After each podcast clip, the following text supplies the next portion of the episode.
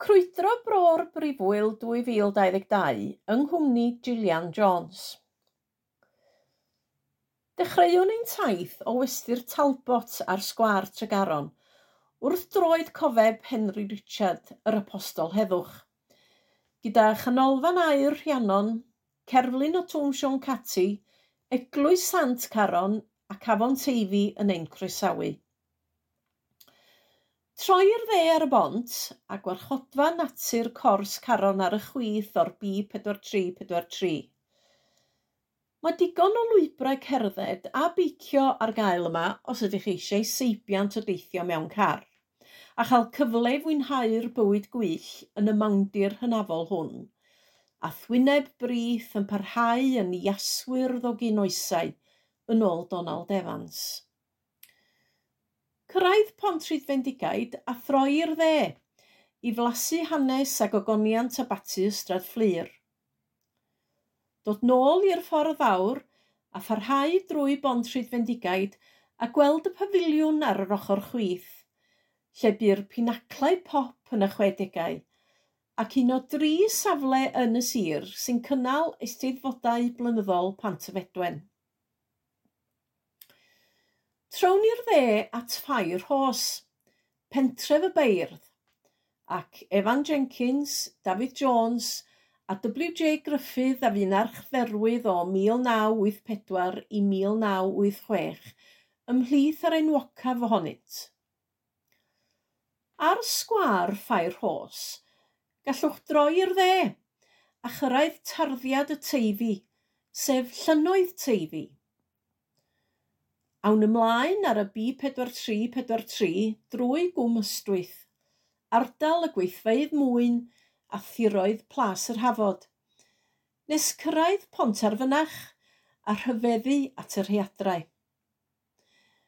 Gallwch gael taith ar y tren bach o'r fan hon i Aberystwyth drwy gwm rheidol neu ddilyn yr A44 o bentref Ponterwyd i dref Aberystwyth.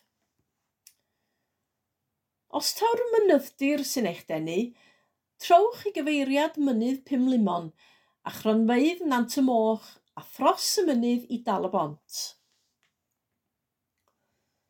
Yn Aberystwyth, gallwch ymweld â'r Llyfrgell Genedlaethol, y Brif Ysgol, Canolfan y Celfyddydau, neu fwynhau'r dref, cerdded y prom neu daith i ben Craig Glais.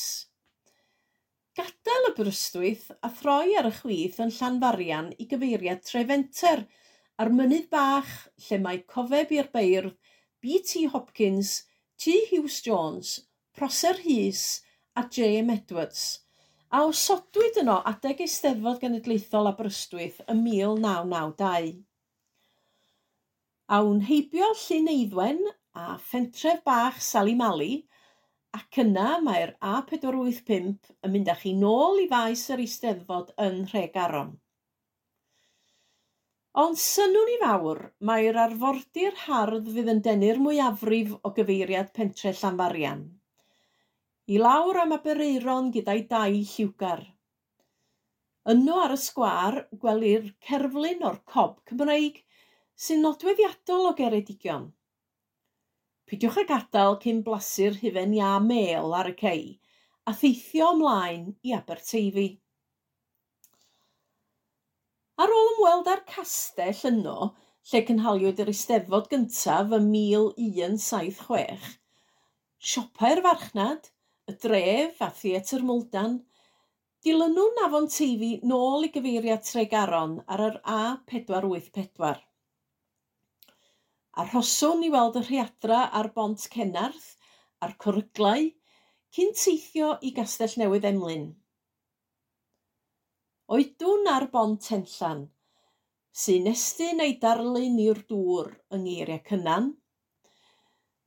Dilynwn y brif ffordd i sgwar Pentre Cwrt, lle mae bwrdd gwybodaeth am T Llew Jones, ac mae pont all cafan i fyny'r lôn. Ewch da chi! i gwmall cafan. Peidiwch oedi'n hwy, rhag ofn. Tref Llandysil yw'r da nesaf ar y daith. Mae canolfan bwysig yma bellach i'r campau ar y dŵr, megis rafftio a chanwyo. Gwas gomer ar graffwyr o awr i un o'r busnesau amlycaf yn y dre. Tref Llanbedr Pont Steffan sydd nesaf ac mae'r enw llawn yn cyfeirio at Eglwys Sant Pedr a'r Steffan at gastell y Normaniaid gerllaw adeiladau'r Brifysgol. Mae siop ysmotyn Smotyn Du yn dangos ein bod yng nghanol yr undodiaid yma. Crwydrwch adeiladau hardd y Brifysgol ac fe welwch bel rygbi i nodi mai yn Llambed y sefydlwyd y tîm rygbi cyntaf yng Nghymru. Cynhaliwyd Eisteddfod Genedlaethol yn 1984 ac Eisteddfod yr Urdd yn 1999 yma. Ail gydiwn yn yr A4-3-4-3 a throi i gyfeiriad Tregaron drwy bentref Llanewi Brefi. Dyma'r eglwys i nawdsant dewi, ac mae cerflun ohono gyda'r golomen ar ei ysgwydd tu fewn i'r adeilad. Mae bwrdd gwybodaeth yn y pentref sy'n rhoi hanes y chwedl am yr ychen a frefodd naw gwaith nes hollti craig y foelallt. Troi'r chwith ar ôl dod allan o'r pentref a chroesi'r teifi ar bont Llanio, lle bu hen ffatri a ddanfonodd y laeth o ffermydd Ceredigion ar y tren i Lundain. Mae carreg goffa i'r pysgotwr Moc Morgan ar y geilan islaw. Bu rhufeiniaid yn llanio a chaerolion o sarn helen yn yr ardal. Wrth nesau at Dregaron, mae ffermydd Tundomen yn ein hatgoffa o gyfnod Castell Tomen a Beili'r Normaniaid a fferm Tre Cefel yn gartref i'r swagman Joseph Jenkins a dreuliodd flynyddoedd yn Awstralia yn cadw dyddiaduron a gofnodwyd gan yr hanesydd Bethan Phillips.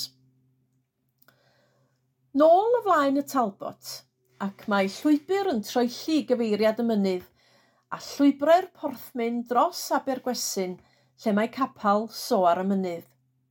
Dyna daith arall – Mae digonedd o gyfleoedd i'ch tywys o amgylch llwybrau dirifedi y fro ryfeddol hon.